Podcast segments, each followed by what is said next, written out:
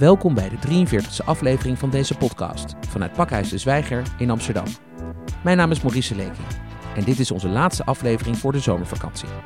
Daarom hebben we iets bijzonders gedaan. Op donderdag 11 juli organiseerden wij de Podcastshow. Een live talkshow met publiek over de opkomst van podcastcultuur. En daarvan maakten we weer een podcast. Waar je nu naar gaat luisteren is een verkorte weergave van de avond. Laten we beginnen met het introduceren van onze eerste gast. Uh, hij heeft al zijn hele leven een passie voor muziek en audio. De Nieuwe Revue benoemde hem tot een van de 30 meest invloedrijke online Nederlanders. Hij werkt uh, momenteel als sounddesigner, documentairemaker, muzikant en als podcaster. En naast dit alles runt hij ook nog zijn eigen bedrijf, de Melodiefabriek. Geef hem een warm applaus, Marco Raaphorst.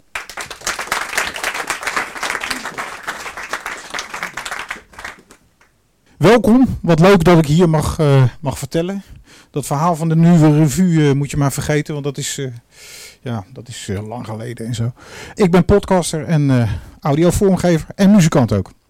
Een van de mensen waar ik mee samenwerk al een paar jaar is bekende Hagenees, Wim de Bie. Het aardige is dat Wim is begonnen in de 60 jaren met een radioprogramma dat Uitlaat heet. En inmiddels is hij weer helemaal terug bij waar hij mee begonnen is. Met het maken dus van audio zonder beeld. En hij maakt een eigen podcast die heet Bizwarboom. Zo is ons contact eigenlijk ontstaan. Ik ging eerst bij hem op bezoek. Ik moest uitleggen hoe die audiorecorder werkte. En hij maakte in zijn huis audio-opnames. En ik legde een beetje uit van hoe die in opname kon gaan. Hoe die die dingen kon wissen. Hoe die de microfoon het beste bij zijn mond kon houden. En ik heb samen met Wim uh, zijn eerste podcast geëdit. En daar wil ik eigenlijk een kort fragment van laten horen.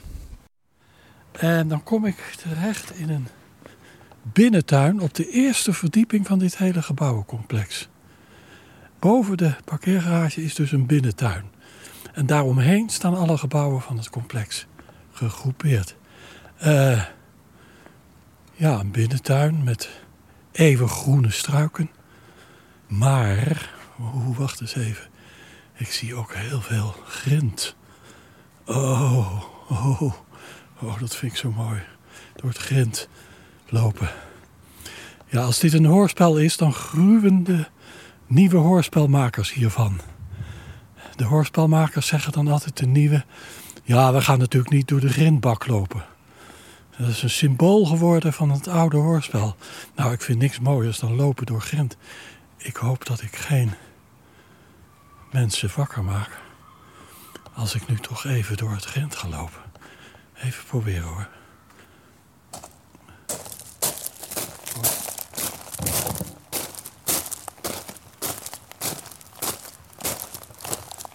Ja, mooi hè. Nog een stukje. Ik heb softe sportschoenen aan. Met leren schoenen wordt het natuurlijk nog veel mooier.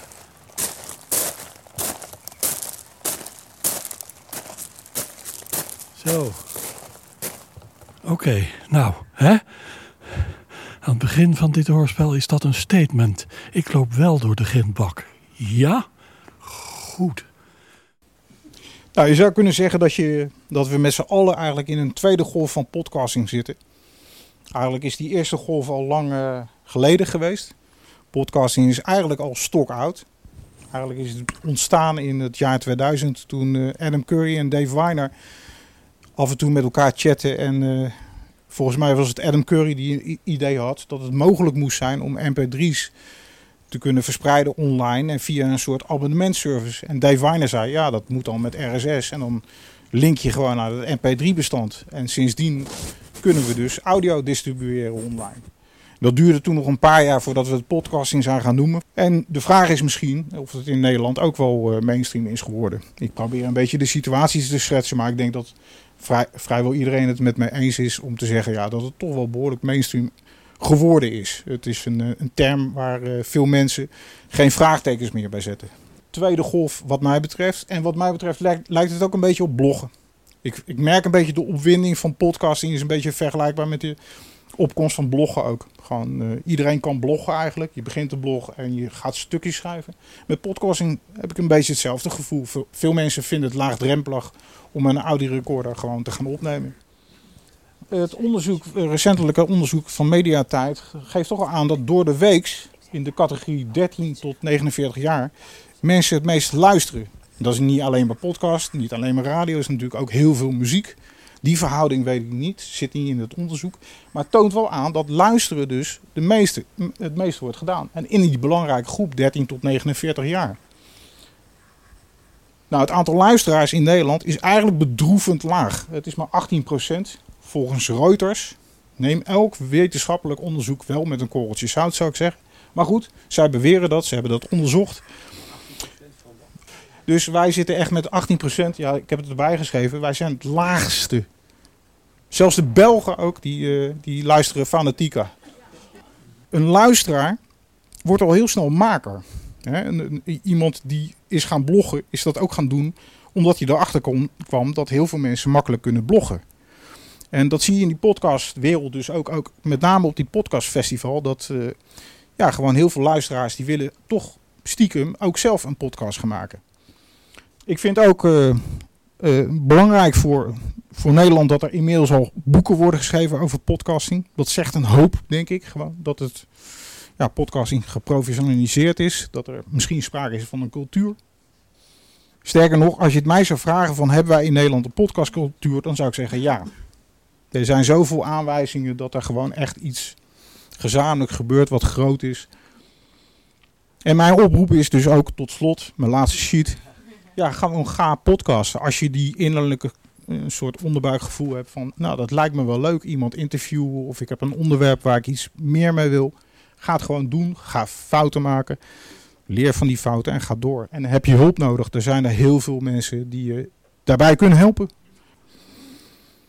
Dankjewel, Marco Raaphorst. En voor onze luisteraars, je kan dus op de website potpraat.nl meer informatie vinden. Marco, dankjewel voor je presentatie. Graag gedaan. Er is misschien nog hier, uh, Marco, Wacht, nog ja. ten slotte, of komt er een nieuwe vraag? Nee, de nieuwe vraag is heel praktisch. Ik wil wel gaan podcasten. Welke drie dingen moet ik gaan doen of in huis halen? Nou ja, drie dingen. Dat is wel heel veel. En ik ben er vrij lang van stof, maar... Uh, Kunnen we dat uh, misschien ook op uh, potpraat.nl vinden op jouw website? Ja, zal ik er één dan noemen? Ja, Marco? Nummer één zou mijn vraag zijn aan jou. Wat wil jij heel graag vertellen? Kijk, dat is denk ik een hele goede vraag. Een soort van huiswerk. Aan het eind van, uh, van het programma willen we het antwoord horen. Dan gaan we nu een, uh, een panel uitnodigen van vier podcastmakers. Die ons uh, mee gaan nemen op hun zoektocht naar het geheim van een goede podcast. Ik ga ze één voor één aan u introduceren. Onze eerste panellid is journalist, mediadocent, auteur van het boek Heb je een boze moslim voor mij? Diversiteitsredacteur en presentator van de Bonte Was podcast over blinde vlekken in de media. Geef haar een, een applaus. Zoe Papa... Oh, ik heb het zo geoefend. Zoe... Papa Economu. Precies, Zoe. Dankjewel.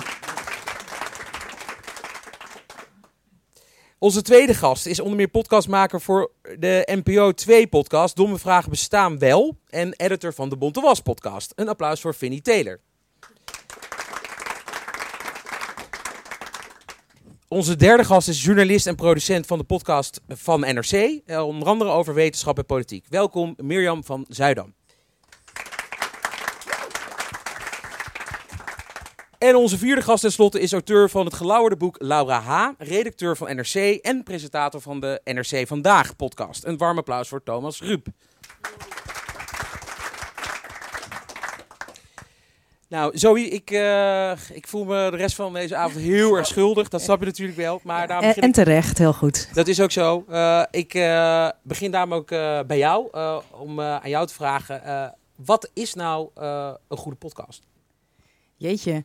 Nou, laat ik, laat ik zeggen wat dat voor, voor mij is. Want ik, ik, een van de mooie dingen, denk ik, aan podcasts is dat dat voor, heel veel, voor iedereen misschien wat anders kan zijn. Um, ik hou zelf ook wel erg van podcasts waar het over een proces gaat of waar een proces in wordt beschreven. Bijvoorbeeld, ik zou het nu ook wel best wel leuk vinden als ik zou weten hoe dit allemaal tot stand is gekomen. En welke keuzes er zijn gemaakt. Waarom zitten wij hier en niet die leuke mensen daar in het publiek, bijvoorbeeld, die ook van alles over podcasts weten. Dus dat vind ik altijd uh, wel interessante dingen. Of dat er ongemak wordt besproken, waar, waar, waar hoe mensen zich voelen. Of, of hoe ja, dat iets niet helemaal goed lukte. Of dat ik nu denk, ik heb net aioli gegeten en uh, misschien stinkt dat wel. Of zo, ik zeg maar. Nee, maar dat je gewoon heel erg dingen beschrijft uh, die gebeuren. Dat vind ik, dat vind ik zelf, als ik zelf naar podcasts luister, vind ik dat altijd wel interessante podcast.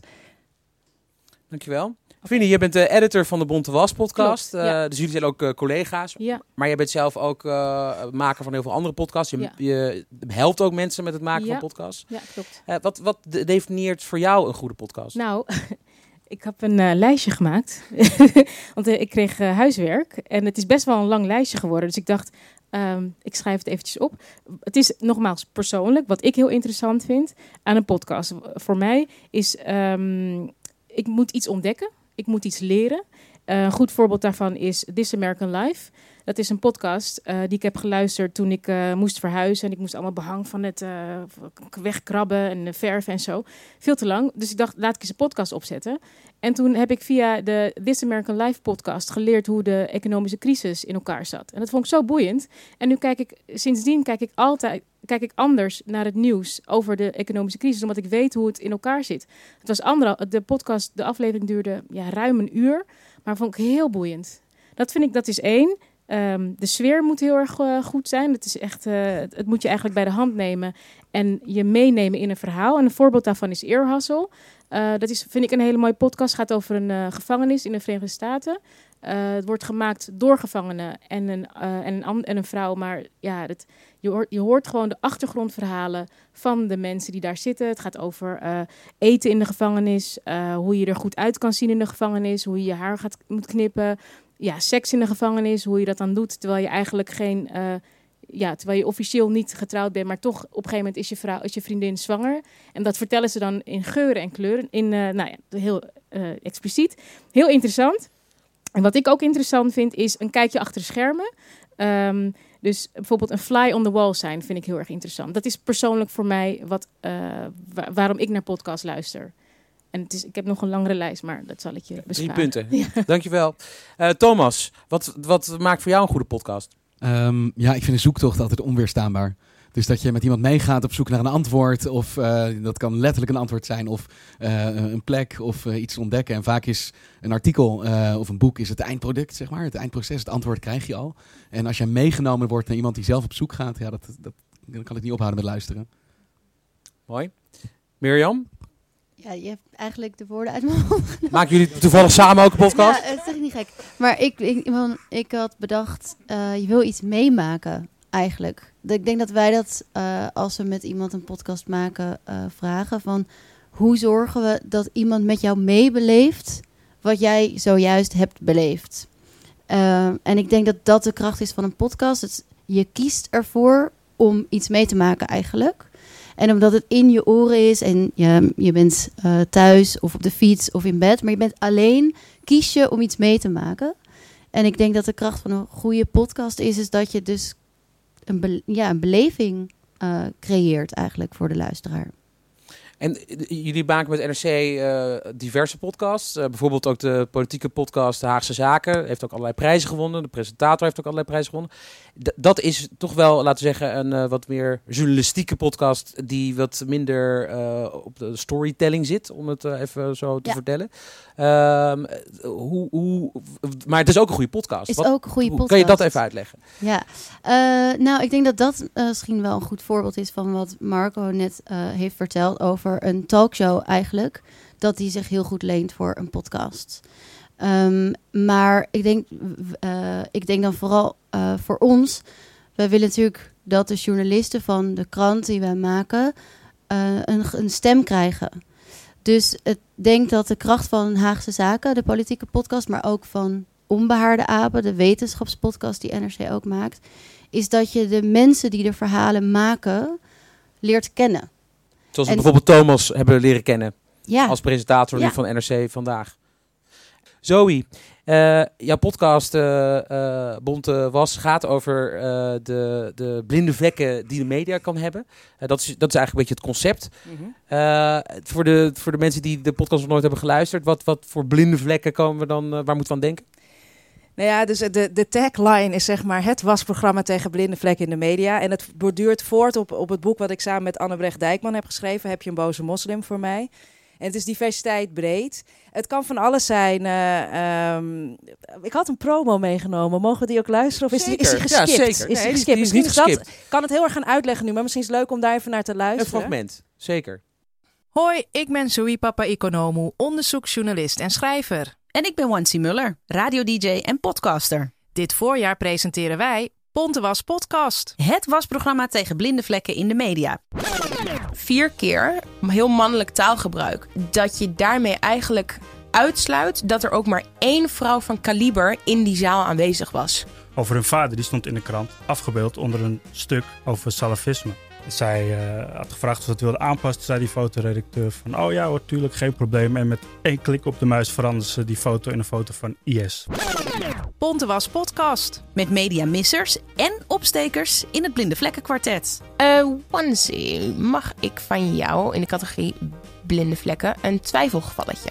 En dat doen we niet alleen, maar met woordkunstenaar Atta de Tolk We gaan nergens komen zonder wederzijds respect. Er klinken altijd meerdere stemmen als bij het Blinde Vlekken Kwartet. En elke keer een bijzondere gast uit de media. Voor mij is diversiteit, als jij journalist bent, je vertelt verhalen, dan vind ik dat je heel erg bewust moet zijn van de brillen die je op hebt. Bepaalt de manier hoe jij naar dingen kijkt. En dat er altijd bij moet het Groningse Ulrum of het Groningse Delfzijl. Als er geen plaatsnaam bij staat, waar zijn we dan? Dan zijn we in Amsterdam. Dus, heb je behoefte aan een frisse, grappige en kritische blik op diversiteit in mediaberichtgeving? Luister dan naar Pontewas Podcast.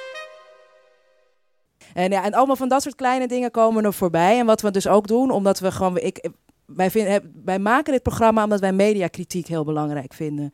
Eh, er is, zijn veel te weinig corrigerende mechanismen. Dat is natuurlijk ook lastig bij media, want zodra je iets uit overheid doet, dan wordt het controlerend. Dat kan niet. Dus wij vinden gewoon dat er veel programma's moeten zijn die media scherp houden. Want media hebben heel veel invloed. Ze zijn een machtsfactor in, in onze maatschappij. En, eh, nou, heeft, het, heeft het effect? Kunnen jullie die lijst in de pijl zijn? Kunnen jullie een NRC bijvoorbeeld eh, echt eh, eh, een, een standje geven? En heeft dat ook impact? Nou, we- toevallig hebben we het NRC een keer een t-shirt opgestuurd. en dat is positief. Dus we reiken een t-shirt uit voor. Maar een andere aflevering kan NRC weer heel anders uit de bus komen. Kijk, weet je, ik weet het niet. We merken wel, we zijn net begonnen. We hebben net een eerste serie gemaakt. En ehm, aan de ene kant, en we zijn nu ook onze Twitter, want al die journalisten zitten natuurlijk eindeloos op Twitter. eh, proberen we daarbij Dat dan. zijn de enige mensen die nog over zijn gebleven op Maar Twitter, toch? god. Maar goed, dat doen we dan braaf, weet je wel. Want we willen het dan eh, nog wel uitbreiden. Dus we zijn ook net begonnen. Kijk, het is ook wel lastig. Wij zijn, wij zijn onafhankelijke makers. Wij hebben natuurlijk niet al eh, enorme platformen dan, dan NRC Vandaag. Die natuurlijk al op NRC kan voortbeduren in de platformen die ze hebben. Dus wij beginnen. Maar wij proberen impact te hebben. Door dus ook flessen wasmiddel uit te reiken voor media die nog wel wat wasmiddel kunnen gebruiken. En wat blinde vlekken kunnen eh, schoonwassen. En eh, ook door mediamakers eh, uit te nodigen, merken we wel dat er, er wordt over gepraat. Maar weet je, journalisten zijn moeilijke mensen. Dat weten jullie allemaal hier ook in de zaal. Het zijn vaak soms een beetje arrogante mensen. Het is ingewikkeld. Maar wij blijven gewoon lekker doorsarren. En eh, ik denk dat dat ook wel belangrijk is. Want Vinnie, jij hebt ook een fragment meegenomen. Die, Ja, dat die, klopt. die hebben we en die kunnen we laten luisteren. Wasima, welke vraag eh, is jou het meest bijgebleven die je kreeg over de Ramadan in al die jaren dat je nu al vast? Er is altijd één vraag is me bijgebleven. En eh, ik zat in eh, de kantine toen. En een eh, studiegenootje die stelde mij dus de vraag... eh Oesima, ik ga je een vraag stellen, maar ik zit er wel een beetje mee. Maar zal ik hem wel of Ze niet bereiden je vragen? voor? Ja, een en dan weet, je, dan, weet ik al, want er gaat nu iets komen. Dus ga even rechtop zitten. en ja, toen kwam eigenlijk de vraag, en die zal ik nooit meer vergeten. Oesima, mag je ook douchen tijdens de ramadan? Je haren nat maken? En ik moest hem eventjes eh, laten bezinken. Want het was even een vraag die ik dus niet eerder heb gehad. Eh, en toen zei ze dus van, omdat er dus ook vocht naar binnen komt door de haarzakjes. Ja, ik moest, ik moest hem nu ook even laten bezinken. Van wat kan iemand daar nou mee bedoelen? Ja, maar oké, oké, ja. ja. En, ehm, en ik legde dus echt uit van ja, als ik zeg maar in de douche sta, onder de douche sta en ik eh, en, en, en ja, mijn maag wordt daarvan gevuld, dan zou ik echt volgens mij nu ontzettend dik zijn geweest. Zou er ik geen- echt al, eh, zou er geen honger zijn? Zou er geen honger zijn? Dan zou iedereen gewoon lekker. eh, maar eh, dus ik, ik legde dat uit dat het toch, toch echt te maken heeft met eten en drinken door je mond slikken. Vinnie, waarom heb je dit fragment uitgekozen? Eh, nou, er werd mij gevraagd om een eh, fragment eh, uit te kiezen van Domme Vragen Bestaan Wel. eh, waarbij, ik een voorbeeld, waarbij je kon horen wat we deden. En dat is een beetje wat we doen. We eh, praten met mensen over ehm, eh, vragen en opmerkingen die ze krijgen op basis van hun identiteit. Of eh, haarkleur of waar je woont of wat dan ook. En, ehm, en we vragen aan de mensen wat de opmerkingen, vragen en opmerkingen met ze doen. En soms is het heel erg, lachen we er heel erg om, zo- zoals dit voorbeeld. Ehm, soms is het ook een beetje treurig. Eh, we hadden ook een, hadden Rachel Fransen geïnterviewd over borstkanker. En eh, zij zat eens bij de kapper en ze vertelde aan haar kapper dat ze borstkanker had. En er kwam een oud vrouwtje naar haar toe dat naast haar zat. En het zei, eh, ja, nou, het komt wel omdat jullie allemaal eh, beugel-BH's dragen. Hè? Ik denk dat je daarom eh, borstkanker hebt gekregen. Dat ook. Ehm, en dan vertelt eh, ze wat, dat, wat, dat, wat die opmerkingen met, eh, met, met haar doen. Niet Hoe zijn de reacties? Ja, leuk. Mensen, het is vooral eh, heel grappig. Mensen moeten vooral heel erg lachen.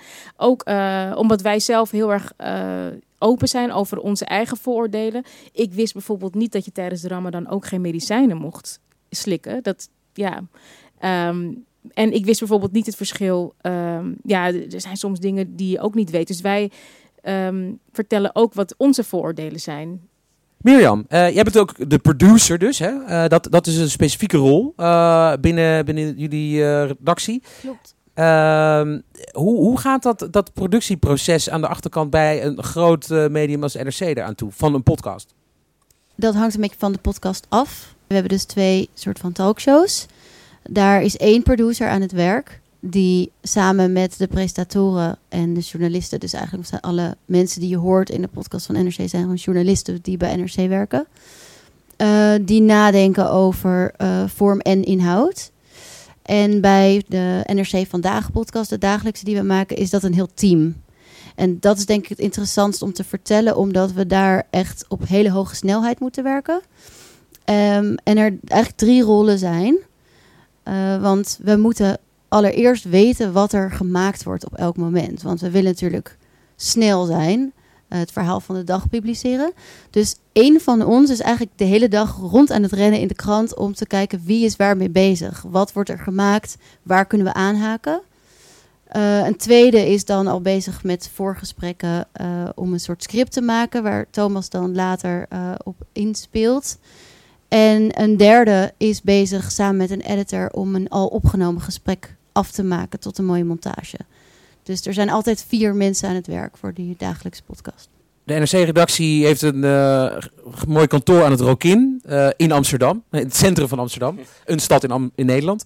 Ehm, jullie eh, hebben daar dan ook een, een studio? Ja, die hebben wij sinds kort. We zijn super trots daarop. Daarvoor gingen we vaak naar het Vondelpark, naar Vondel CS, waar dag en nacht media ook zit, om een studio te huren. En dan moesten journalisten steeds eh, hun hele drukke dag onderbreken om op de fiets daar naartoe te komen. En we merkten nog wel eens dat dat niet bij iedereen eh, evenveel eh, animo oprief. Dus nu hebben we een studio in huis en dat is echt fantastisch. Want nu kunnen we wel twee of drie gesprekken opnemen per dag. Vinnie. Maar dan van, wil ik van jou eigenlijk nog een soort van eh, aanbeveling horen. Een soort van advies voor de, voor de toekomstige podcastmaker in de zaal. Wat, waar zou jij mee beginnen als je, als je nu aan een podcast zou moeten... Ja, als je daaraan nog moet beginnen. Met een idee dat je hebt. Gewoon, dat is het makkelijkste. Of ehm, ja, een heel tof, leuk idee. Ehm, en ik zou gewoon lekker praten met mensen in je omgeving. Ehm, en ik een beetje sparren met andere mensen die het misschien leuk vinden. Ja, kijk een beetje door naar jou. en ehm, vervolgens zou ik gewoon lekker op internet uh, of YouTube kijken wat voor opnameapparatuur er is. Uh, of je kan ook met je telefoon opnemen en gewoon gaan beginnen. Gewoon, gewoon maar beginnen. Dus noods interview je je buurvrouw over de katten. Er zit altijd een topverhaal in. Mirjam? Als producent van drie zeer succesvolle podcasts die misschien wel tussen de 100 en 200.000 keer hoort. Nou ja. Mirjam? Het blijft in het midden. Uh, ja, ik zou gewoon zeggen, uh, neem alles op. Ik heb echt ontdekt dat uh, je eigenlijk elk moment op moet nemen. Ik bedoel, heel vaak zeggen wij ook tegen onze journalisten... als je een interview gaat opnemen, zet je eigenlijk je recorder alvast aan... als je de fiets afstapt of de auto uit. Want voortbordurend, of wat ik eerder zei, op iets meemaken... audio, vind ik, is ook heel vaak gewoon ergens zijn... Dus eh, we willen vaak ook in een aflevering mensen ergens plaatsen. Eh, en soms is het dus genoeg om een briesje te horen of een vogel of een deurbel.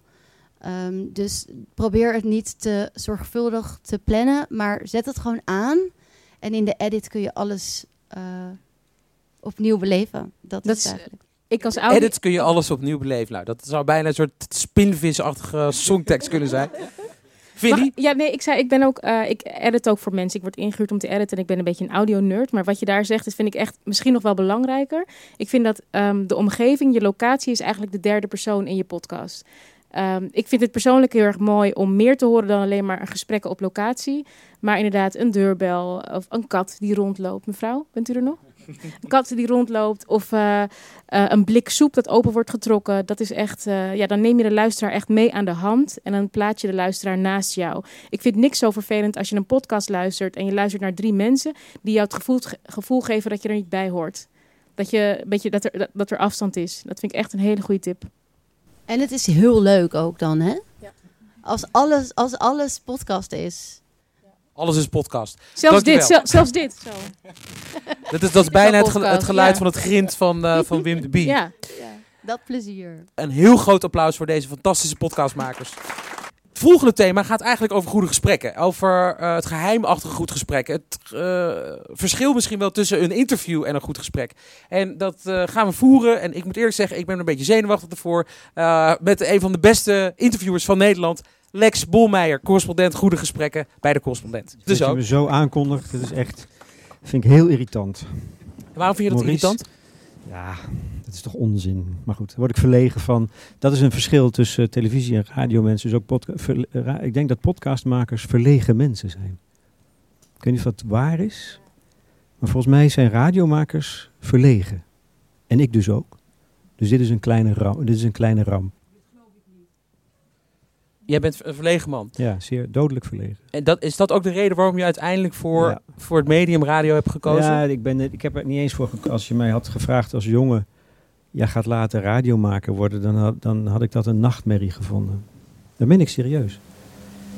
En vervolgens ben ik er door een soort toeval ingerold door mijn eh, voormalig buurmeisje dat bij de NCV ging werken en vroeg wil jij niet eens wat eh, maken? En toen heb ik ja gezegd op een onverhoopt moment. En dan ga je het vervolgens doen.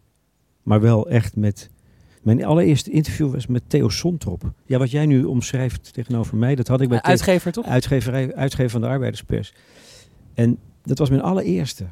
En dat vond ik dus doodeng. En toen nam hij mij meteen mee. Zoals, ja, joviale man. Het was lunchtijd. We gaan lunchen. Ik dacht, we gaan lunchen. Ik kom hier voor een interview. Ja, we gaan lunchen. Dus we kwamen in de zomer in een restaurant over geluid gesproken terecht. Waar de deuren open stonden. Aan een Amsterdamse gracht. Nou, ik kon het niet eens verstaan wat hij zei. Maar het was wel mooi geluid natuurlijk. Casaluna heb je, eh, heb je 30, gepresenteerd. ik maak nu 30 jaar radio. In 2013 ben je, eh, ben je daarmee mee gestopt. En je bent ehm, eigenlijk al vijf jaar geleden Ja. voor de correspondent begonnen met het maken van podcasts. Ja. Ehm, dus je, je hebt eigenlijk een radioachtergrond en je bent in dat nieuwe medium podcast ben je, ben je gedoken. Hoe, hoe, hoe is dat? Hoe is dat, dat is dus grappig, hè? Je hebt het over podcast. Ik voel me radiomaker. Ik ben gewoon radiomaker. En toevallig vind je op het internet een plek waar je het publiceert. Voor mij is er echt geen verschil. Echt niet. Ik, wat ik doe is radio maken. En dat is een vak. Om een antwoord te geven op je vraag. Ehm, ehm, is, ehm, ik had dat tien jaar gedaan. Dat programma hield op in hetzelfde jaar, 2013, vroeger op Wijnberg. Maar die was toen bezig met het opstarten van de correspondent. Eh, wil jij voor dat nieuwe medium interviews maken? Ik zei van ja, dat wil ik wel. Maar dan wel al, als audio. Dus ik gebruik toen echt niet het woord podcast. Nee, dat, dat, dat, dat, daar hou ik van. Ik hou er enorm van. Van de sensualiteit van het medium. Hè? Dat geluid. Zal ik ondertussen voor jou en dan, dan wil ik. een Water. glas water eh, Ja. inschenken? Dus ik dacht, nou, dan gaan we gewoon, dan ga ik dat doen wat ik deed, want het programma hield op. Maar dan kan ik wel fijn interviews blijven maken en dan publiceer ik dat bij de correspondent. Zo gaat dat. Zo is dat gegaan in mijn geval.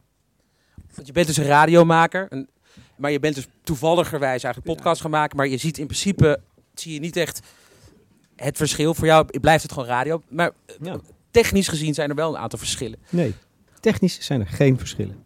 Als jij een documentaire maakt voor de radio, dan hoort niemand of dat voor de radio gemaakt is. Of als je het zou publiceren bij de NRC. Of dat het voor de NRC gemaakt is. Dat hoor je echt niet. Maar die tijd, die tijd wa- wat hier al een paar keer door makers werd om, omschreven. Dus dat, hè, de, de, eh, bedoel, je hebt een tijdslot eh, toen je voor de radio Ja, dat is een werkte. verschil. En nu heb je eigenlijk onbeperkte mogelijkheden om heel lang eh, Ja, door te gaan. Natuurlijk, dat is duidelijk. Maar dat, dat vormt je toch ook als maker? Dat vind ik ook wel een goede vraag. Hoe lang moet iets duren? Hoe lang kan iets duren? Dan moet je dus op zoek, vind ik een van de goede vragen, hoe lang blijft het verhaal dat je wil vertellen spannend? Eh, en wat is dan spanning? Wanneer en waarom is het spannend? En hoe lang blijft die spanning? Ik heb één keer, dat vertelde ik net aan iemand, een hele interessante oefening gehad. Toen was ik al anderhalf jaar bezig en een beetje aan het kloten ook. Ik kwam er niet helemaal goed uit. Het werd altijd te lang. Toen heb ik één keer met een eh Romane Rodriguez, collega, ehm, eh, een afspraak gemaakt. We gaan nu één montage, één interview samen monteren. Met Robert Dijkgraaf was dat. Hoefde niet morgen gepubliceerd te worden. In de edit herbeleef je alles. Ja. Zeker als je het vier keer doet. Dus we zijn vier keer door die montage heen gegaan. Zij monteerde, zij maakte een edit en ik. En, en, de, en de opdracht was aan onszelf, maak er nou eens een half uur van. Echt een half uur. Want het kan altijd. Het kan altijd een half uur. Of 15 minuten als je dat afspreekt. Maar door je te dwingen dingen weg te moeten laten die je eigenlijk wil behouden. Kill your darlings. Komt het op scherp te staan. Dus dat is voor een podcast maken, vind ik ook een buitengewoon verstandig advies. Het wordt er beter van als je jezelf dwingt om iets op te moeten offeren. Terwijl je eigenlijk de ruimte hebt. Hè, dus je kan het rustig laten staan. Maar het komt de kwaliteit komt ten goede. Alleen, je moet het zelf doen. En er is niemand die tegen mij zegt, eh, ja, je moet nog een half uur. Nee, dan moet ik het zelf doen. En dat is, dat is een lastig ding als je je vak goed wil uitoefenen, vind ik. Dat is, maar wel interessant. Ik kan het echt iedereen aanbevelen. Maak het nog ietsje korter. J- Jij, jij gaf aan eh, dat je een verlegen man bent. Dat je eh, het niet ver- prettig vond hoe ik jou aankondigde. Dat dat je op een of andere manier ook ongemakkelijk maakt. Ik merk ook een bepaald ongemak. Vind je het eigenlijk fijn om, om geïnterviewd te worden? Nee, dat haat ik. Voor publiek althans. Nee, dat is onzin. Ik, ik praat heel graag over mijn werk. Hè. Dat kan ik heel lang. Dat, dat, dat daar mensen zitten, dat is inderdaad lastig. Dit is altijd heel, ook sowieso een lastige situatie. Wat zijn we nou aan het doen? Ben jij met mij in gesprek? Of zijn, zijn, ben ik met hen in gesprek? Of, of met die luisteraar? eh, die, Of met de eh, kijker, want de is wel een. Dat is een heel ja. dubbelzinnige situatie. Dus dat Ja. is ook... ehm, Wat, wat maakt voor jou een goed gesprek? Wat, wat, eh, wat, waar moet een Oh ja, daar goed interview... over, waar moet het eigenlijk aan voldoen? Als je na afloop echt iets meer weet dan waarmee je begon. Dat is natuurlijk flauw, maar dat meen ik serieus. Dat je, dat je. Ik noem het altijd een ontmoeting. En een ontmoeting gaat erover dat je na afloop dichterbij bent gekomen. Ik vind nabijheid, intimiteit, dat is, dit, is het medium van de intimiteit, radio of podcast. Dus er moet intimiteit zijn en je moet dichterbij zijn gekomen. Nog ietsje dichterbij. Als ik dat heb en als ik ergens in zo'n gesprek ontroerd ben geweest, wat misschien raar is voor een journalist, ik vind dat, dan is het voor mij geslaagd. En dat, dat, dat gaat erover dat je iets hoort en vindt, oh zit het zo? Of, goh wat mooi, wat is die gedachte mooi? Of, ehm, weet je, dat, dat, dan ga ik gelukkig naar huis. Wat zou je van mij willen weten? Of jij inmiddels weet wat de magie van een goede podcast is. Ik denk het namelijk niet. Nee, ik ben daar in ieder geval voor mezelf nog niet achter. Nee.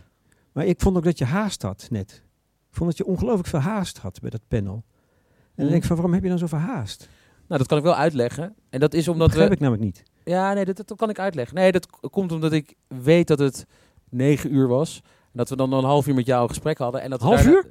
Ja. Jezus. En dat we daarna nog een panel hebben. En dat het ongeveer ook nog een half Ja. uur zou duren. En dat we Maar dan weet je, dat is dus raar is. Het gaat over podcasten. Podcast is het medium waar je de vrijheid hebt om tijd te nemen. Ja. Ik vind die, die gesprekken die lukken voor mij, omdat ik daar een uur zit en ik heb de tijd en ik heb geen haast meer, snap je? Dan, en dan kan er iets gebeuren.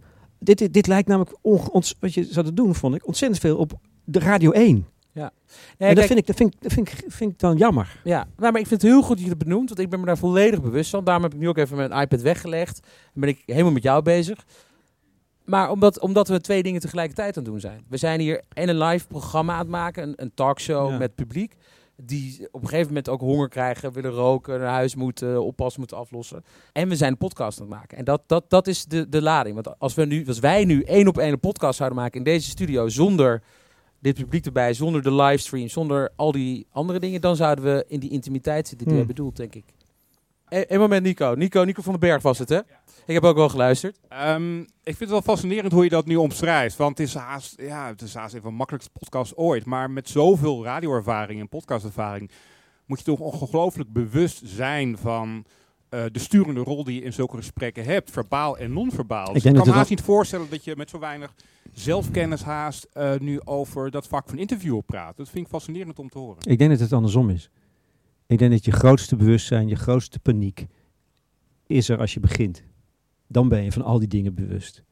Dan denk je alleen maar aan andere dingen.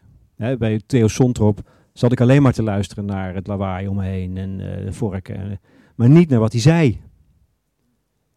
Je bent je juist, ik, dat vind ik het, dat vind ik, dat, dat is mijn, zeg maar, ambachtelijke leerproces over, over decennia. Dat dat precies andersom gaat nu. Dat ik, en ik geloof niet dat ik lieg als ik dit zeg. Ik geloof echt dat ik. Een ander voorbeeld is dat ik laatst bij, ehm, bij Marcel Slokkers binnenstapte, straatarts. Maakt een kleine serie over zorg, mensen in de zorg. Hij is straatarts, dat wil zeggen dat hij eh, medische hulp verleent aan dak- en thuislozen. Dat zijn bijna altijd ook mensen die junkie zijn en mensen met een verstandelijke beperking. Dat zijn, dat is de hij noemt het het rioolputje van de zorg. Nou, van de samenleving. Hij is, als je straatarts bent, dan, dan zwerf je niet zelf over straat. Hij heeft gewoon spreekuur in een eh, dienstencentrum in Rotterdam. Heeft een kamertje, hij is huisarts, maar dat doet hij dan tien uur in de week. En hij, ehm, ik kwam daar binnen en toen zei hij, we gaan, eh, hij zei twee dingen. Ehm, er is nu iemand aan het sterven in huis. Oké. Ja, nou ja, goed. En er staat iemand voor de deur die moet zo een plasje doen. En eh, die moet ook, ook, anders raakt hij in coma. Hij heeft dus diabetes. Nou, dat was de setting. En we gaan, eh, we gaan, eh, ik laat je even zien, eh, het huis zien. Dus hij nam mij mee. En als ik ergens een, een angst voor heb, is het wel een ziekenhuis. Nou, dat is het, een soort ziekenhuis. Maar dan, wat je dan doet, is gewoon denken, oh ja, nu, dit is een beslissing.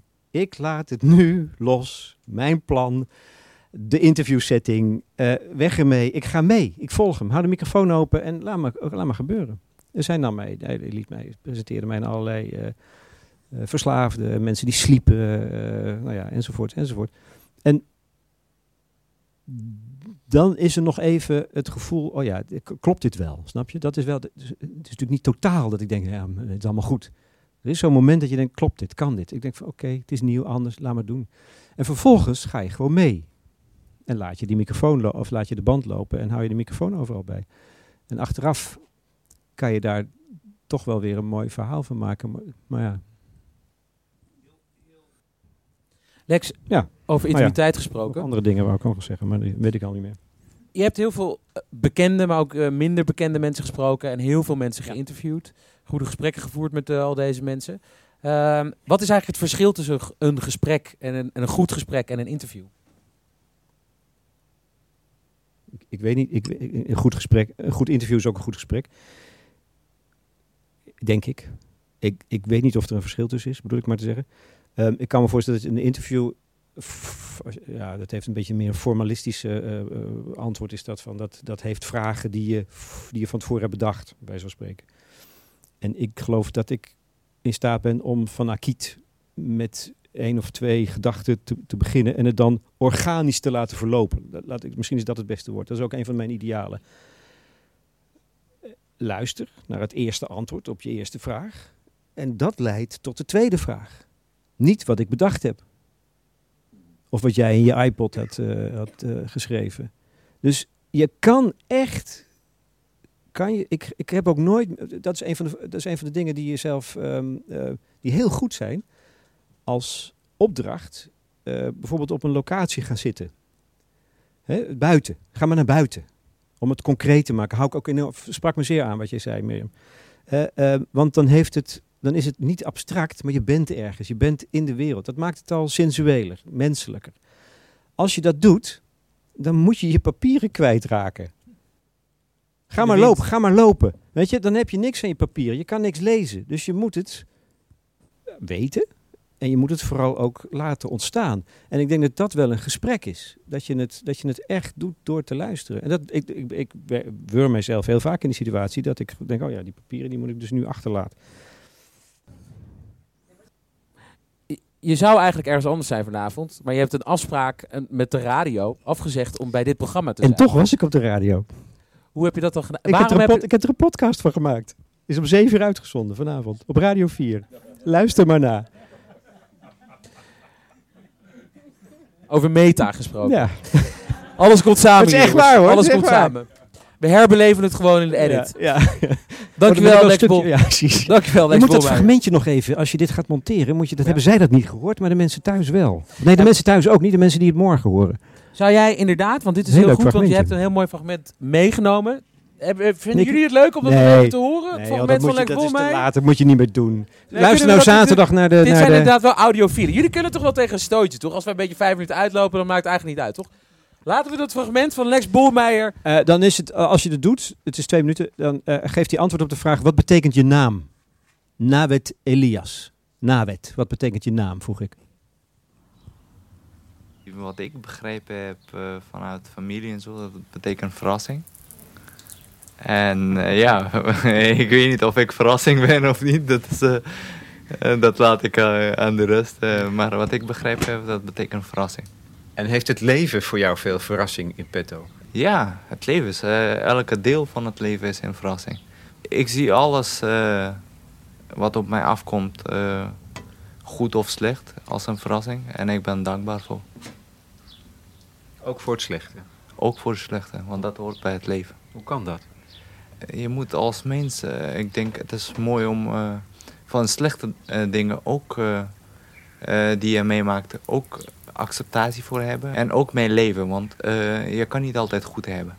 En die slechte dagen kan je ook heel veel kracht geven. En ja, dat moet je als een, een benzine gebruiken om eh, toch eh, wat door te gaan. Want wat gebeurt er dan als je dat doet? Eh, ja, het is per persoon verschillend. Eén persoon kan het wel als trau eh, traumatiseerd van raken. En een andere gebruikt het als po- iets positiefs van. Ehm, ik gebruik dat als energiestof. eh, zodat ik eh, verder kan ontwikkelen en met betere dingen komt in mijn leven. En beter kan presenteren. Knappe prestatie.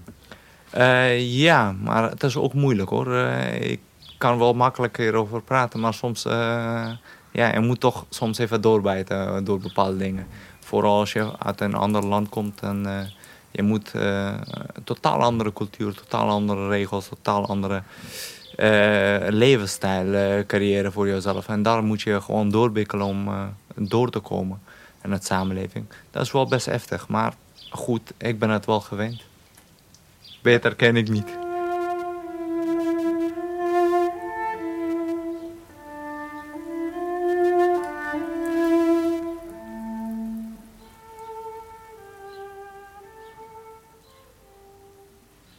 Dames en heren, een applaus voor Lex Bolmeijer.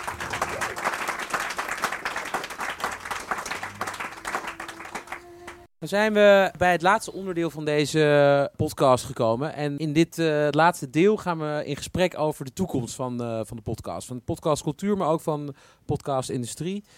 En dat doen we met twee, eh, twee gasten. Onze eerste gast in dit panel hij houdt zich bezig met nieuwe media, online ontwikkelingen en hij gelooft heilig in het internet. Hij werkte bij de Volkskrant, NOS, eh BNN-VARA en is tegenwoordig online conceptontwikkelaar bij de KRO NCRV. Geef hem een warm welkom, Cyril Snijders. Welkom Cyril, neem plaats. En onze tweede gast is de oprichter van podcastluisteren.nl. Hij is podcastconsultant en ook oprichter van Studio Lijn 14, eh, waarbij hij allerlei podcast trainingen geeft. Eh, hij is ook podcastmaker bij Makersradio en auteur van Podcast voor Dummies. Welkom Richard Den Haring. Ja, Cyril, ehm, Richard, eh, welkom. We hebben het eh, al de hele avond eh, over podcasts eh, in, dit, in het programma. er op dit moment, onlangs heeft groot onderzoek uitgewezen, zijn er meer dan 2 miljoen Nederlanders die aangeven dat ze naar eh podcast luisteren. De podcast is terug. Hebben jullie een verklaring eigenlijk voor het succes van de podcast? Ja, ik, ik, vind het eigenlijk nog niet zo'n succes. Weet je, in Nederlandse begrippen dan, als je het vergelijkt met, nou ja, nog één keer dan met Amerika. En dan lopen wij natuurlijk gigantisch achter. Ook op, op Denemarken of Zweden. eh. Dus het is, het is nu wel natuurlijk enorm aan het groeien. Maar ja, ik vind het eigenlijk verbazend dat het niet veel eerder een succes is geworden. Hè, om om, om ja, audio zelfstandig te gebruiken. Het was er altijd al. eh, het, is, eh, ja, het, hoort, hoort er gewoon bij. En ik heb meer het idee dat het gewoon vergeten is. En dat we er nu achter zijn gekomen dat het inderdaad kan. En, dat verklaart dan het succes wat mij betreft. Richard, jij eh, bent dus de oprichter van podcastluisteren.nl. Waarom heb je dat platform opgezet? Ja, dat is begonnen eigenlijk voor de liefde voor podcast. Ik ben radiomaker ook. En dat, eh, ja, ik heb het eh, Lex Bolmeijer ooit gevraagd. Van, eh, wij nodigden hem uit als, als podcastmaker ooit in onze Lijn 14 podcast. Toen had ik dezelfde discussie eigenlijk. Dat hij zei, ja, maar ik vind dat helemaal geen verschil. Ja, ik, ik vond het wel, vind dat wel heel anders. Wezenlijk Wat is het anders. verschil dan? Nou ja, niet zozeer de, de, de technieken, zeg maar, van, van, van interview of dat soort dingen. Dat, daar ben ik het helemaal mee eens dat dat hetzelfde is. Maar eh, het medium aan zich, eh, hoe de manier waarop gebruikt wordt, hoe het gedistribueerd wordt, eh, de, extra mogelijkheden, de, de, de intimiteit, de minder snelheid. Of juist wel, meer dynamiek door monteren of wat dan ook. On demand, ja, dus er zit heel veel verschil in. ja, dus dat is echt wel wezenlijk anders. Cyril, jij werkt nu bij de radio, of bij de omroep in ieder geval, de KRO en CRW. Dat zijn, ja, zoals sommige mensen zouden zeggen, de traditionele mediapartijen. Is- men bij de KRO en CRV nerveus voor de op- opkomst van podcasts? Eh, nee, niet in het minst. We hebben een eh, levendige eh, radiocultuur. Ik zit zelf overigens op de afdeling innovatie, waarbij we eigenlijk nieuwe telvormen verkennen. Eh, en dat gaat ja, op eh, heel veel verschillende gebieden, zoals eh, smart speakers. Om daar verhalen voor te maken hebben we een interactief kinderverhaal gemaakt bijvoorbeeld. Voor de Google Home, we hebben een VR-project gemaakt, waarbij audio ook een belangrijke rol speelde. Chatbot voor Eva. We hebben een inhaalslag moeten maken als KRO en CRV. We lagen denk ik eh, best wel een eindje achter ten opzichte van andere omroepen. Maar we hebben een levendige radiocultuur en ondertussen ook een podcastcultuur. Tante Jos eh, is onlangs, on- onlangs uitgebracht en zijn nog een heleboel ja, nieuwe podcasts in de pijplijn. Dus ik denk dat we die inhaalslag aardig aan maken zijn. Nou, dus het niet als, per se als een bedreiging zien, zeker niet. Jij, bent ook veel bezig met eh, binaire audio of immateriële audio. Dat, dat is een soort technisch begrip eh, waar je ons misschien even in mee moet nemen. Oké, ja, binnen binaural audio bestaat al een, eh, bestaat al een tijdje. Er zijn, eh, ja, da- eh, dat is eigenlijk waar ik momenteel en waarvoor ik hier eigenlijk ook zit om daar iets over te vertellen. eh, over de kracht die dat kan hebben. Eigenlijk geleerd uit het VR-project hoe belangrijk audio is voor de sturing van het verhaal. Eigenlijk nog veel meer dan het eh, visuele gebeuren wat we erbij hadden gemaakt. We hebben een verhaal gemaakt over een verwarde man die in de psychose terechtkomt en daar weer uitkomt. En iedereen die het gekeken heeft, bleef het verhaal heel erg bij hangen. Maar met- name over wat je hoort en veel minder over hoe je ziet. Want dat was redelijk klein gehouden. Tegelijkertijd zijn er een hoop nieuwe technologieën, waardoor iedereen eigenlijk een soort virtual reality in audio kan maken. Waarbij het geluid zich echt helemaal om je heen afspeelt. Er zijn, eh, er zijn er worden podcasts gemaakt waarbij je echt het gevoel hebt, het geluid komt hier van rechts of die komt helemaal voorlangs of dat komt van boven. Een immersieve ervaring. Ja, een ontzettende immersieve audio-ervaring. En eh, we zijn, ja, ik heb misschien leuk om een fragmentje ervan te laten horen van, dit is een podcast Calais 2037 heet die. En daar heb ik een trailer van. Dus misschien even over een indruk.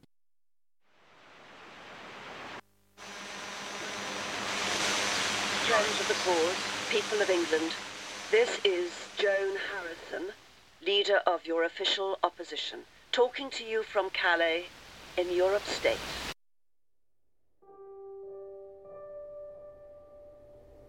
One day, all this exile, the party, it will come to an end. And when it does, all that will matter is who we are as people, what little's left of us at the end of it all.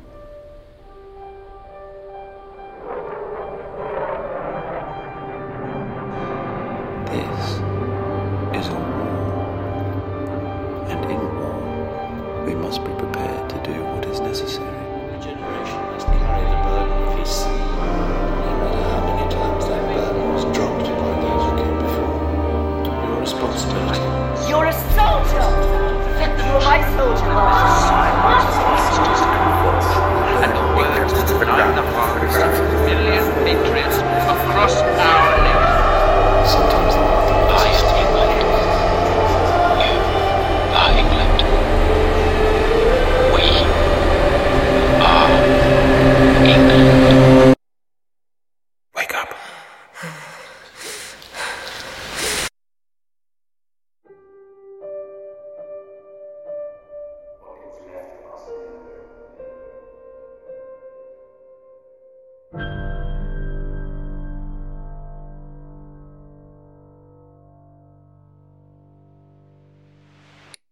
Je merkt gewoon dat je echt aan zee staat. Je hebt het gevoel alsof van voorkant zee hoort, rechts staat iemand van je, links staat iemand. Je zit echt midden in het verhaal. En ik denk dat die technieken een enorme meerwaarde kunnen leveren. Zeker voor drama podcast, maar ook voor andere soorten uh, podcast. Men zegt dat een van de redenen waarom audio eh, toch iets heel anders dan, doet dan, eh, dan, dan beeld, is omdat die, dat, dat je hersenen ook anders gewired zijn. Dus dat audio veel meer bij die emotionele kant zit, ook met je herinnering. Als je een, een, een lied van vroeger terug hoort, dan zit je in één keer weer in een hele andere sfeer. Er wordt heel vaak dat voorbeeld aangehaald van eh, Ameri- eh, American History X, die film waar in het begin een, een jongen met eh, zijn schedel tegen de stoep wordt geslagen. En als je, ik weet niet of jullie dit, deze, deze scène, nou ja, scène, ja. Maar dat geluid van die, van die schedel, dat, dat, is, dat is eigenlijk wat de meeste mensen onthouden. En als dat weggedraaid is, weet je, dan zie je het eigenlijk niet. Maar dat geluid blijft iedereen bij. Hoe zit dat eigenlijk met die met neurologische aspecten van audio? Ik ben, eh, ik ben geen eh, fysicus of een, eh, of een arts die dat zo goed kan uitleggen.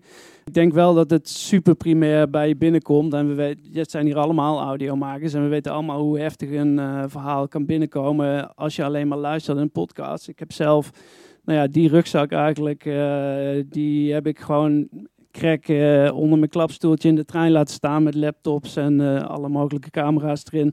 Omdat ik verzonken was in een, in een podcast. En die trein reed weer weg. En ik kom thuis en ik, en, en ik heb nog, de ochtend daarna vraag ik eh, aan mevrouw van... eh, ja, heb jij mijn eh, rugzak gezien? Maar ik ben het helemaal kwijtgeraakt. En toen dacht ik van, nou ja, dit, dit is de kracht van podcast. Je zit in de trein, je doet al je, je hele basale acties. Je loopt naar huis en je eet en je slaapt. En vervolgens blijkt dat je dus ja, je hele hebben en houden bent kwijtgeraakt. En eh, met grootste geluk dat er iemand is geweest die die rugzak heeft gepakt. Maar nou, laten we concluderen dat het eh, je helemaal alomvattend, immersief eh, kan beetpakken. Richard, jij hebt ook veel, veel zicht op die podcast-industrie, om het maar even zo te zeggen. Want dat, dat is het ook. Ik bedoel, het is ook een professionele sector. En, dan moeten we, en het is misschien een beetje een vies woord, zeker in dit gezelschap, maar dan moeten we het misschien ook een beetje over geld hebben. Is er eigenlijk een, een businessmodel al waarmee podcastmakers ook geld kunnen verdienen?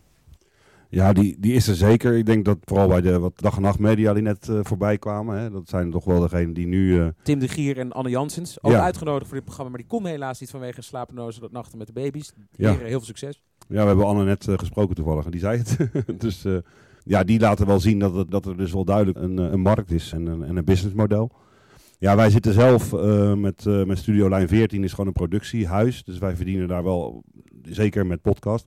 Maar dan verdienen we door podcast te maken. eh, voor anderen eigenlijk, in opdracht van bedrijven. En we hebben het net over branded podcast gehad. Dat is natuurlijk ook de manier, de, de advertorial, hè, maar dan, dan de audiovorm. Dat is ook eigenlijk, ehm, ja, dat- dat- daar zit echt wel geld in. En dat is de, de manier, als je dat interessant vindt, dan, dan moet je die kant op. Denk je ook dat dat betekent dat onafhankelijke makers die ja, zelfstandig eh, beginnen aan een productie, dat die ja, daar eigenlijk ook van zouden kunnen leven op een bepaalde dag? Nou, dat, dat, dat wordt steeds moeilijker. Dus ik wil niet die, eh, nou, dat idee eh, heel erg. Want nee, het is niet waar. Nee, dat gaat niet lukken. Kijk, als je het daarvoor doet ook, dan gaat die droom niet uitkomen. Want we hebben het zo vaak over. Want wanneer is het dan gelukt? Is, is, is, is 15.000 luisteraars gelukt? Of, of is, is 45.000 luisteraars gelukt? Ja, voor ons was het in het begin dat 300 luisteraars was echt waanzinnig. Daar heb ik echt van gedroomd. Ik dacht van, nou, hoe zien die mensen eruit? 300. Hè, er zitten er hier minder. En denk nou, 300 mensen die gewoon naar ons verhaal hebben geluisterd. Gewoon. Fantastisch. En dan op een gegeven moment krijg je reacties, in het begin niet. En ik denk dat je daarvoor moet doen. Want, want dat is zo gaaf als je, dat je... En als je nu gaat proberen om met de grote media, of niet wel de bestaande podcast die, die het redden. Mijn podcast is nog steeds niet groot. Ik, ik maak lijn 14. Ik weet zeker dat niemand daar ooit van gehoord heeft. En daar luisteren. Gaat dat over een tram in Amsterdam? Nee, nee, niet eens. Dat is wel waar je terecht komt als je zoekt op en googelt op lijn 14. een stad in Nederland. Ah, dankjewel. eh. ja, ja. Dus eh, Nico, hè? Nico van den Berg is fan. Ja, ja, ja wij kennen elkaar. Maar ehm, dus, eh, dus, dus alleen mensen die we kennen die luisteren. Nee, dat is niet waar. Maar ik bedoel, ik vind het onwijs leuk om te doen. Ehm, het is freakshow. Het gaat eigenlijk alleen maar over podcast maken. Dus podcast over podcast. En is gewoon onwijs leuk. Alleen dan heb je, en dat bedoel ik, we hebben het zoveel over gehad. Van, eh, als je dus je publiek, kan je meer zeggen in een podcast? Hè? Eh, is het vrijer? Eh, kun je dus mensen die normaal niet aan bod komen, kun je die laten spreken? Ja, natuurlijk. Want je maakt het zelf, je maakt je eigen niche. Je gaat het hebben over vliegvissen of, of, of vogelspotten. Maakt niet uit. Ga doen wat je wil. Je praat erover. En als er 300 mensen zijn die het leuk vinden, nou ja, zwa, dan zijn er 300. Als je het doet om, daar, dan kan ik me, hè, dat zien we nu heel veel, dan ga ik me, mensen vragen ons echt bij de productie van oké, ik heb een bedrijf, doe een advies en dan eh, wil ik een podcast maken en die moet niet meer dan 500 euro kosten en die moet al hun klanten gaan regelen. Ze hebben nog geen enkele radioervaring, hebben geen interview kunnen ze niet doen. Ze gaan een podcast maken en ze hebben een, eh, iemand die heel veel eh, loopt te zweten en te blaren over, over modellen en, en heeft een boek geschreven over management. Die gaan ze dan interviewen en die podcast die mag dan 30 minuten duren en die gaat hun hele business redden. Nee, gebeurt nooit. Nou, alle bedrijven die, die dat dus denken en naar deze podcast luisteren, dat neem dit advies eh, ter harte. Daarover gesproken, want je geeft dus inderdaad aan dat er dus ja, allerlei partijen zijn die zich nu op die podcastmarkt begeven. Hebben jullie, want jij kan het ook goed zien, want jij hebt podcastluisteren.nl, waar ook eh, podcasts zich kunnen aanmelden eh, als, eh, als, als ze er zijn. Heb je ook het gevoel dat, dat die podcast, ja, markt, ik vind dat ook eigenlijk best wel een vies woord in deze context, maar dat die overspoeld wordt en, en misschien wel een beetje te vol zit en verzadigd begint te raken? Zijn er te Ja. veel makers al? Nou ja, dat is weer vanuit waar je het bekijkt. Ik, ik, voor mij betreft niet. Ik, ik vind het heel erg leuk. Iedereen die een podcast maakt. En we hebben een hele kleine drempel. De kwaliteit moet een beetje goed zijn. Er moeten geen, eh, ja, niet hele keiharde beledigende dingen of wat dan ook. Dus eh, ik denk het niet. Maar weer, als je het bekijkt van ik wil mij profileren en ik wil een van de beste worden. En, en, en ik wil inderdaad naar 100.000 of 200.000 luisteraars. Ja, dan zou ik zeggen dat is wel verzadigd nu. En dat zijn waarschijnlijk de partijen die nu bezig zijn. Met misschien een publieke omroep wat later er dan erbij. Maar dat zijn de partijen die dat toch dat soort aantallen gaan halen. Is er in Nederland een podcast met meer dan 100.000 luisteraars per aflevering? Absoluut. Wie is dat dan? Of wie zijn dat dan? ik weet niet, ik heb niet, niet de stats van, van andere makers. Ik heb, maar eh, Brand in het Landhuis was al 300.000 keer geluisterd. Twee weken nadat, want die hebben ook geïnterviewd voor Lijn 14. Maar die waren, eh, Marion Oskamp en Simon eh, Heijmans, die waren... Een bekroonde verhalen Ja. podcast, hè? Ja, ja verhalende over, de, over die Markgraaf, hè, die, die dood in zijn verbrande huis wordt aangetroffen. Maar die was na twee, drie weken al, zat hij op de 300.000 of zo. Kom je, kom je wel eens een binaural project tegen in podcastland? Ja, we hebben er een van de ING hebben we gehad. Of was jij dat ook die die gemaakt hebt? Nee. Oké. Want Nee. Cyril, wat, eh, jij hebt natuurlijk een goed eh, zicht op die nieuwe technologische ontwikkelingen. Dus die, die, die immersieve ervaring, eh, dat, daar hebben we het net al over gehad. Wat voor andere technologische ehm, ontwikkelingen voorzie jij ook in de podcastwereld? Nou, ik moet zeggen dat met audio ook best lastig is om echt op dat vlak eh, te vernieuwen. Want dan als, als dat heel voor de hand liggend was geweest, dan was het de afgelopen 40 jaar wel een keer, 100 jaar wel een keer gebeurd, denk ik. Dus dit, dit kan in ieder geval een enorme eh, eh, extra waarde zijn voor bepaalde soorten podcasts. We hebben nu bij, we zijn voor Binnenste Buiten, het tv-programma waar ook veel over natuur wordt gepraat, zijn we naar de Biesbos gegaan zijn we om vijf uur 's ochtends eh, ja, met, speciale, eh, met speciale apparatuur gaan opnemen, wat helemaal surround opneemt. En vervolgens hebben we met richtmicrofoons eh, allerlei vogels opgenomen en watergeluiden. En het mooie daarvan is als je dan terugkomt in de studio en die software is ondertussen veel beter beschikbaar, ook voor gewone consumenten. Dus dat is wel een overgang naar eh, dat het niet allemaal super duur meer hoeft te zijn. Vervolgens hebben we al die losse geluiden in een soort eh, virtuele ruimte geplaatst.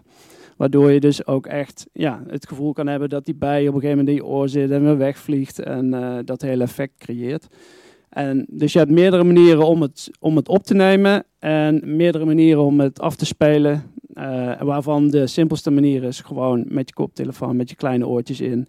En een, eh, met hetzelfde materiaal kun je een VR-ervaring maken waarbij je naar geluid toe kan lopen. En probeer het uit, zou ik zeggen. Richard, die toekomst van die podcast. We staan nu op ongeveer 2,3 miljoen luisteraars. Of mensen die dat hebben aangegeven. Een uh, grootschalig onderzoek. Waar gaat dat binnen vijf jaar naartoe in Nederland? Ik denk dat het elk jaar, nou dat is wat er gebeurt, elk jaar vier keer meer. Dus uh, elk jaar, maar dat kan natuurlijk niet in Nederland alleen keer vier. Want dan, uh, maar ik merk in ieder geval bij ons op de site dat het aantal bezoekers, dus de, de interesse, die verviervoudigt elk jaar. Sinds, sinds uh, jullie Sinds zijn begonnen. oprichten. Ja, en dat was in? Ja, ik gaf heel weinig antwoord op. eh, jij vroeg het net al, hè? Het was eh, de website. Ik ben begonnen 1 januari 2016. Dus dat is nog maar eh, 3,5 jaar. zo. Dus een vier, viervoudiging. Dus eh, stel nou dat het in ieder geval voor volgend jaar klopt. Dan zouden ineens van 2 miljoen, 8 miljoen Nederlanders naar een podcast hebben geluisterd. Ja, en daarna kan hij natuurlijk niet meer verviervoudigen. Maar dat. ehm, Zou het, Ja. te- zou het een tegenbeweging zijn, eh, want je, die, die eerste vraag waar je stelde, van hoe kan het nou dat het zo succesvol is? Nou ja, daar, daar kun je over twisten. Maar kan het niet gewoon een tegenbeweging zijn voor die duizend miljoen prikkels die, eh, die de jongere generaties eh, krijgen en visueel en dat, je, dat, je, dat dit gewoon back to basic is. Gewoon lekker luisteren en wegdromen? Ja, maar met zoveel aanbod eh, kan ik me voorstellen dat het ook gewoon weer een extra prikkel erbij is. ja, maar het is wel slow. En het is wel de tijd nemen. Dus ik denk wel wat jij zegt, dat is echt waar. Eh, of, of echt waar, maar dat is waar. Het is inderdaad van die, die seconde-industrie, de Snapchats, de, eigenlijk alles, weet je wel. Heel snel, heel veel consumeren. eh, ook de manier van, van de publieke eh, nieuws brengen. Nou, niet alleen van de publieke, van iedereen. Eh, kort, 2,5 minuten max. Moet snel door en gaan. Dus ik denk wel dat dat podcast voor iedereen die zoiets heeft van nou even gewoon lekker wat meer verdieping. Even helemaal op één onderwerp in. Niet worden eruit getrokken door weer iets anders en snel weer door naar iets. En, en dan maar weer afwachten wanneer je misschien een vervolg kan horen. Ik denk dat dat wel eh, de manier is. Cyril, heb jij nog een aanrader voor ons? en misschien ook vanuit jouw expertise voor de, de Nou, dame in het publiek die eigenlijk wil weten waar ze moet beginnen. Adinda. probeer het uit. Ga ermee, ga ermee aan de slag. Eh, en dat is eigenlijk wat de podcastmakers bij ons in het pand ook zeggen. Ik wilde een verhaal gaan schrijven, want ik ben eigenlijk schrijver over, over dat ik nu al zit na te denken over in welk bejaardentehuis ik later eh, kan gaan wonen in Utrecht. Want ik heb geen kinderen en we gaan ook geen kinderen krijgen en we hoeven helemaal geen kinderen. Dus we zetten nu al een beetje te dromen van, van wat is nou echt iets vets en zijn er wachttijden voor? Nou ja, ik, ik ging al helemaal, eh, helemaal los erop van, daar moet ik iets over schrijven. Ze zei, nee, je moet een podcast maken. Je moet gewoon dat verhaal, je moet gewoon naar, de, naar het bejaardentehuis. Je bent 41, je, het is een idioot plan. We willen mee met jou en meerdere mensen zitten daarmee. Dus als het herkenbaar is voor je omgeving, eh, dan is het al heel snel leuk. En als het eerlijk en persoonlijk is en je, komt, je gaat door allerlei mislukkingen heen, dan eh vreet iedereen het, denk ik. Dankjewel. Cyril Snijder, ik ga tot slot, want we zijn een beetje aan het eind van dit programma aan het komen, naar Adinda toe. Adinda, jij bent hier eh, speciaal naartoe gekomen om welke reden? Omdat Richard hier zou zijn en ik eh, volg Richard. Ehm, nou, oude schoolgenoot. Maar ik vind het ook heel interessant welke podcast hij heeft gemaakt. Onder andere eentje over Goede Mie. En Goede Mie is eh, de beroemdste gifmengster eh, nou ja, van Nederland. En die komt uit Leiden. Dus ik vond het heel erg leuk om dat eh, lokale weetje zo in die podcast tot me te nemen. En ik heb daar ook een les bij gemaakt voor leerlingen. Dat vind ik helemaal een leuke combinatie. Om iets met audio ook te doen met jongeren. En ik zou zelf dat, ja, dat medium wel willen gaan verkennen. Er is aan jou een soort van eh, opdracht meegegeven aan het begin van het programma. Want jij vroeg drie, drie tips eigenlijk eh, waar je moest beginnen. En eh, toen werd door Marco gezegd van, nou ja, je moet weten waar je over wil vertellen. Hoe staat het ermee? Oh, ik heb genoteerd in mijn boekje de tips die ik heb gekregen, die ik heb opgepikt. Gewoon beginnen, starten. Dus dat is stap 1. En dan vervolgens, wat mij heel erg aansprak, ehm, mensen die niemand kent. Dat ving ik op. En zojuist uiteraard gewoon ergens binnenlopen. Dankjewel Adinda. Dat is een prachtige eh, samenvatting van, eh, van deze avond. Gewoon ergens binnenlopen, mensen die je niet kent. Gewoon beginnen. Een groot applaus voor Richard den Haring en Cyril Snijders.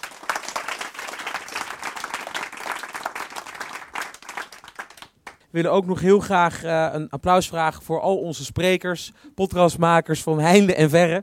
eh, die zich eh, naar deze studio ergens op een zolder in Amsterdam hebben begeven. Dus daar nog even een applaus voor voor al onze sprekers. En eigenlijk ook nog wel een applaus voor de redactie en productie van dit programma. Want die waren in handen van Emma van Venen, Aniek van Rinsum, Ivy Blank, Nico Scoliaris en Maurits van Echtel. Dankjewel.